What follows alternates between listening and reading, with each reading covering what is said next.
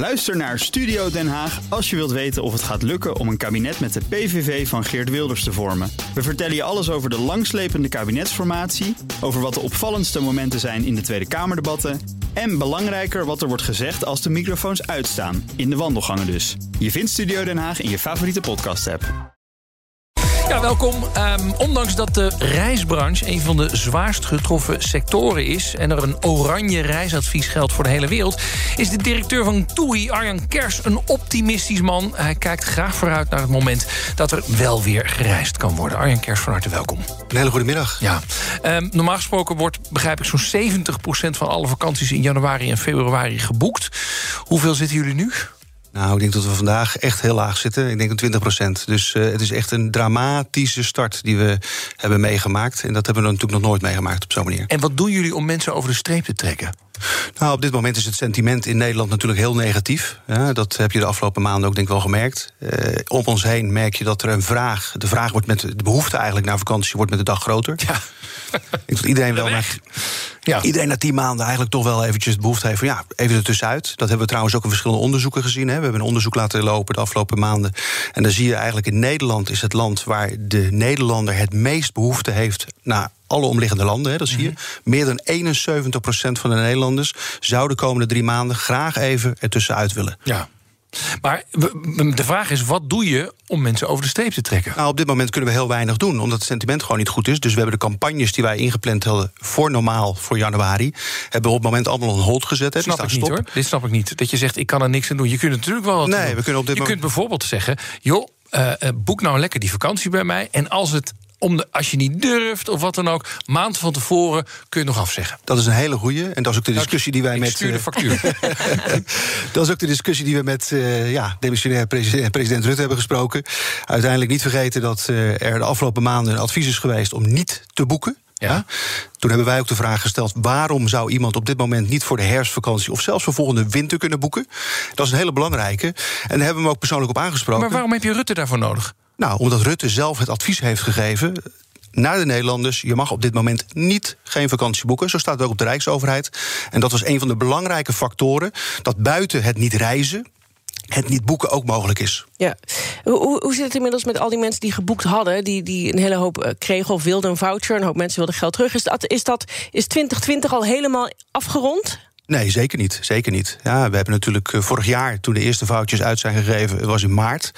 Uh, daarna april een hele zware maand geweest, ook mm mei.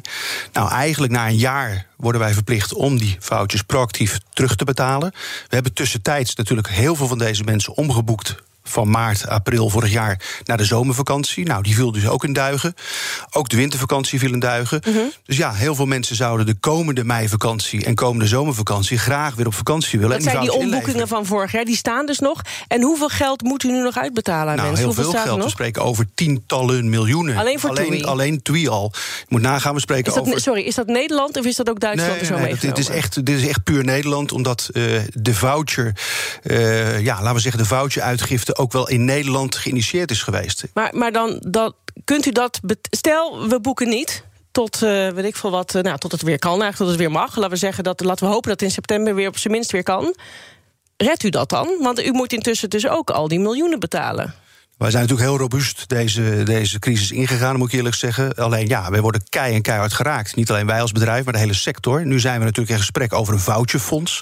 Ja. Daar wordt actief over gesproken. Dat is vorig jaar door uh, de staatssecretaris Mona Keizer uh, genoemd en eigenlijk al goedgekeurd. Mm. Alleen dat moet nog steeds langs de Tweede Kamer. Wat je natuurlijk eigenlijk wil, is dat al die mensen nu toch gewoon boeken en dan vast betalen. En met dat geld kun je dan die andere mensen die je moet betalen wel weer betalen. Het is ah, ja. een beetje de creditcardoplossing die ik als student ook had. Maar je zou natuurlijk heel graag nieuwe boekingen willen realiseren. Dat is het allerbelangrijkste. Dus de steunmaatregelen waar we op het moment gebruik van maken als sector, in dit geval de NOW, en straks dadelijk hopelijk ook het foutjefonds. Ja, je, dat is allemaal hartstikke leuk, maar dat zijn allemaal steunmaatregelen. Zeker het foutjefonds, wat een soort overbruggingskrediet is, die wij ook als reissector terug zullen moeten betalen met de rente. Dus het risico blijft bij de reissector. Uh, twee weken geleden uh, was je op bezoek bij Mark Rutte, begrijp ik. Dat klopt, ja. ja. Um, was dat een hoopvol gesprek of niet? Dat was een, uh, een gesprek waar ik zelf toch wel heel erg verrast over was. Dat hij niet uh, zelf bewust was dat uh, het asociaal noemen van reizigers.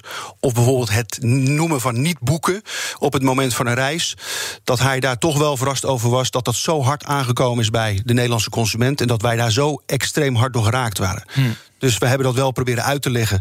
Dat dat voor ons natuurlijk dodelijk is. Oh, dat heb ik niet zo bedoeld. Nou, zo, dus als, als, hij zegt, ga niet boeken... Ja, dan is het toch redelijk logisch dat mensen dan niet gaan boeken. Ja, nou, hij had dat misschien op een andere manier moeten zeggen. Hij had moeten zeggen, luister, je mag tot eind maart niet reizen... maar boek ook geen reis tot en met eind maart, met vertrek tot en met eind maart.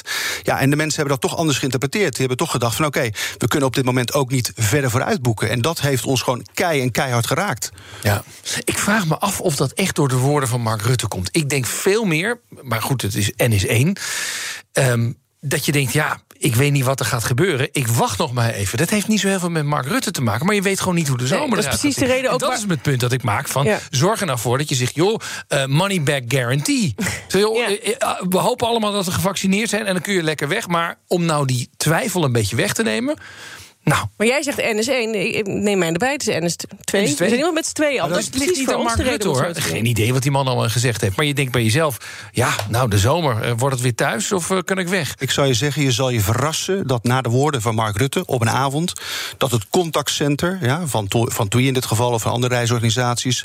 echt ladend zijn met telefoontjes van verontruste reizigers die heel duidelijk vragen van luister, mag ik nu wel op reis? Mag ik nu wel boeken? Dus het heeft een enorme hm. impact. Dus onderschat dat echt niet. Ja, dus dat is heel erg belangrijk. Buiten, wat je net zegt, daar wil ik nog wel even op inhaken. Het is heel belangrijk en daar hebben wij ook de komende maanden op ingespeeld. Ja, wij overtuigen de klant ook op dit moment om te boeken voor de komende maanden. Door die garantie terug te geven dat we straks namelijk het geld terugbetalen. Even terug naar het gesprek. Was je boos of verdrietig bij Mark Rutte? Ik was ontzettend teleurgesteld voordat ik daar kwam. En daarna? redelijk optimistisch. Want we hebben gezien dat daarna een aantal dingen in gang zijn gezet. Ja, we hebben gesproken over de corridors. Hoe wij veilig en verantwoord de komende maanden richting de meivakantie mensen naar een aantal bestemmingen weer op vakantie zouden sturen. Is dat al, um, wat erover spreken is één, maar een beleid is twee? Hebben we daar al iets van gezien dan? Wij hebben dat vanuit de reissector uitgewerkt. We hebben dat met de ambtenaren nu voorgelegd. En daar wordt de komende weken wordt daar verder over gesproken hoe dat eruit zou kunnen zien en wat daarvoor nodig is. Maar, maar wat bedoel je dan met die corridors? Heel simpel, voor de kerst hebben wij al een, bijvoorbeeld een Curaçao met, uh, aangeboden met testen voor vertrek testen bij terugkomst ontzettend belangrijk. Wat vorig jaar door heel veel airlines niet gebruikt is, ook door de regering niet aangegeven geweest is.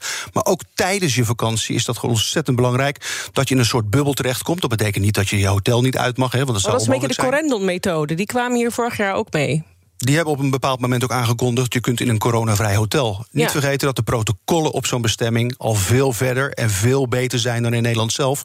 Dus in veel hotels zul je zien dat het mogelijk is... om in een coronavrij hotel vakantie te vieren. Ja, ik denk dat we kunnen eh, bevestigen uh, dat de zin er is... bij de Nederlander om op vakantie te gaan. Iedereen wil dus heel graag. Hoe voorkom je nou dat straks iedereen hetzelfde moment aangrijpt als nu kan het? Nu kunnen we boeken. En dan komt iedereen tegelijkertijd bij u terecht. Hoe flexibel bent u om dan inderdaad die enorme hoos aan vragen te behandelen? kunt u makkelijk opschalen? Wij kunnen heel makkelijk opschalen en dat zou ook kunnen. Alleen we hebben ook heel eerlijk tegen Mark Rutte dit gezegd. Doe dat nou niet op deze manier. Ja, want als je de vrije hand gaat geven dat je morgen alle bestemmingen weer op geel of groen zou zetten. en de Nederlander massaal de grens overtrekt, niet georganiseerd. dan staan we over een maand weer stil. Dus vandaar dat we gezegd hebben: doe het georganiseerd. Laten we een aantal voorbeelden testen voorbeelden nemen hoe het veilig en verantwoord mhm. zou kunnen. Dat is ontzettend belangrijk. Maar wilt u dan samen met Mark Rutte landen gaan aanwijzen waarvan u zegt, nou daar kunnen we dan die veilige corridors gaan maken? Wij hebben een voorstel ingeleverd van een aantal landen waar we dat gezamenlijk zouden kunnen doen. Ja. En welke zijn dat? Ja, precies. Nou, dan kun je denken over een Curaçao. Hè. Dat is een bestemming waar we natuurlijk al heel veel ervaring hebben. En waar we ook de mogelijkheid hebben om dat heen en terug te garanderen. Je zou denken over een van de Canarische eilanden. Je zou kunnen denken over, een, over Turkije. Maar even, ontzettend belangrijk. Ik, ik vind het wel een briljante zet overigens. En uh, moet je ook vooral doen. Maar eigenlijk zeg je nou, laat mensen nou niet vrij reizen. He, dus niet gewoon bij de KLM een ticket boeken en dan gewoon lekker rond op het eiland. Maar laat het via ons doen, zodat je het kunt controleren. Het is, het is via de overheidswegen een soort lock-in op jullie eigen systeem. Ik vind dat slim bedacht in dit soort uh, crisistijden. Het was, het was grappig dat je dat zegt, want dat was ook zijn antwoord. Ja. Maar ik, ik, je moet het, is, het is ook een beetje preken voor eigen parochie. maar laten we wel eerlijk zijn. Maar, daar gaat hij natuurlijk nooit mee in, toch? Of wel? Nou, dat ligt er een beetje aan. Ik denk ook niet dat hij daar, en ik denk de hele overheid, er geen behoefte aan heeft. Dat we straks en dadelijk, wat ik al zei, massaal de grens overgaan. En dat we over een maand weer stilstaan. Nee, Iedereen heeft die behoefte, dus laten we het eventjes georganiseerd doen. Zolang dat nodig is. Maar het is wel interessant dat u dan natuurlijk als reisorganisator gaat bepalen welke landen als eerste weer open gaan voor, uh, voor toerisme. Nou ja, we kunnen het ook garanderen, omdat we uiteindelijk eh, die hele keten in eigen hand hebben. Je hebt eigen vliegtuigen, je hebt eigen hotels op zo'n bestemming. En dan kun je het ook doen. En dat is ontzettend belangrijk om dit te kunnen garanderen. Ik heb een gerucht gehoord dat, dat je elke dag nog op kantoor bent. Dat klopt, ja. En normaal gesproken zit daar 900 man en nu? ja, 20 maximum. Of uh, maandag zat ik helemaal uh, alleen. Dus, uh, dus, maar heb je een heel klein huis? Of wat? Nee, nee, nee. Maar ik, ik heb echt wel het gevoel, dat is misschien ook een hele rare mentaliteit. Ik, ik wil als, als kapitein het schip zeker niet verlaten. Ik moet daar zijn om, om dit bedrijf door de crisis te loodsen. En dat doe ik op mijn manier. En daar probeer ik invulling aan te geven op deze manier. En dat doe je ook, ja, dat is echt motiverend voor mezelf. Arjan, wanneer het weer mag. Wat is, waar ga jij naartoe? Nou ja, ik heb mijn uh, wederhelft en de familie op uh, Gran Canaria wonen. Dus ik zou wel graag weer even terug willen om mijn uh, kinderen en mijn familie te zien. Dus wij, wij zullen niet verbaasd zijn als Gran Canaria een van die landen is die toevallig als eerste op geel gaat. Dat zal zeker een van de landen. Daar kunnen we het ook zeker borgen en garanderen dat het daar veilig en verantwoord kan. Ja. Arjan Kers, dankjewel, directeur van TUI. En wil je meer van dit soort gesprekken horen? Abonneer dan op de podcast Topgast in de BN. Ook Diana Matroos vind je in de BNR-app. Ja, inderdaad. Je kunt live naar mij luisteren tijdens de Big Five. Ook handig in de BNR-app. Breaking nieuwsmeldingen, maar ook het allerlaatste zakelijke nieuws. En je vindt in de app alle BNR-podcasts, waaronder Wetenschap Vandaag. Download nu de gratis BNR-app en blijf scherp.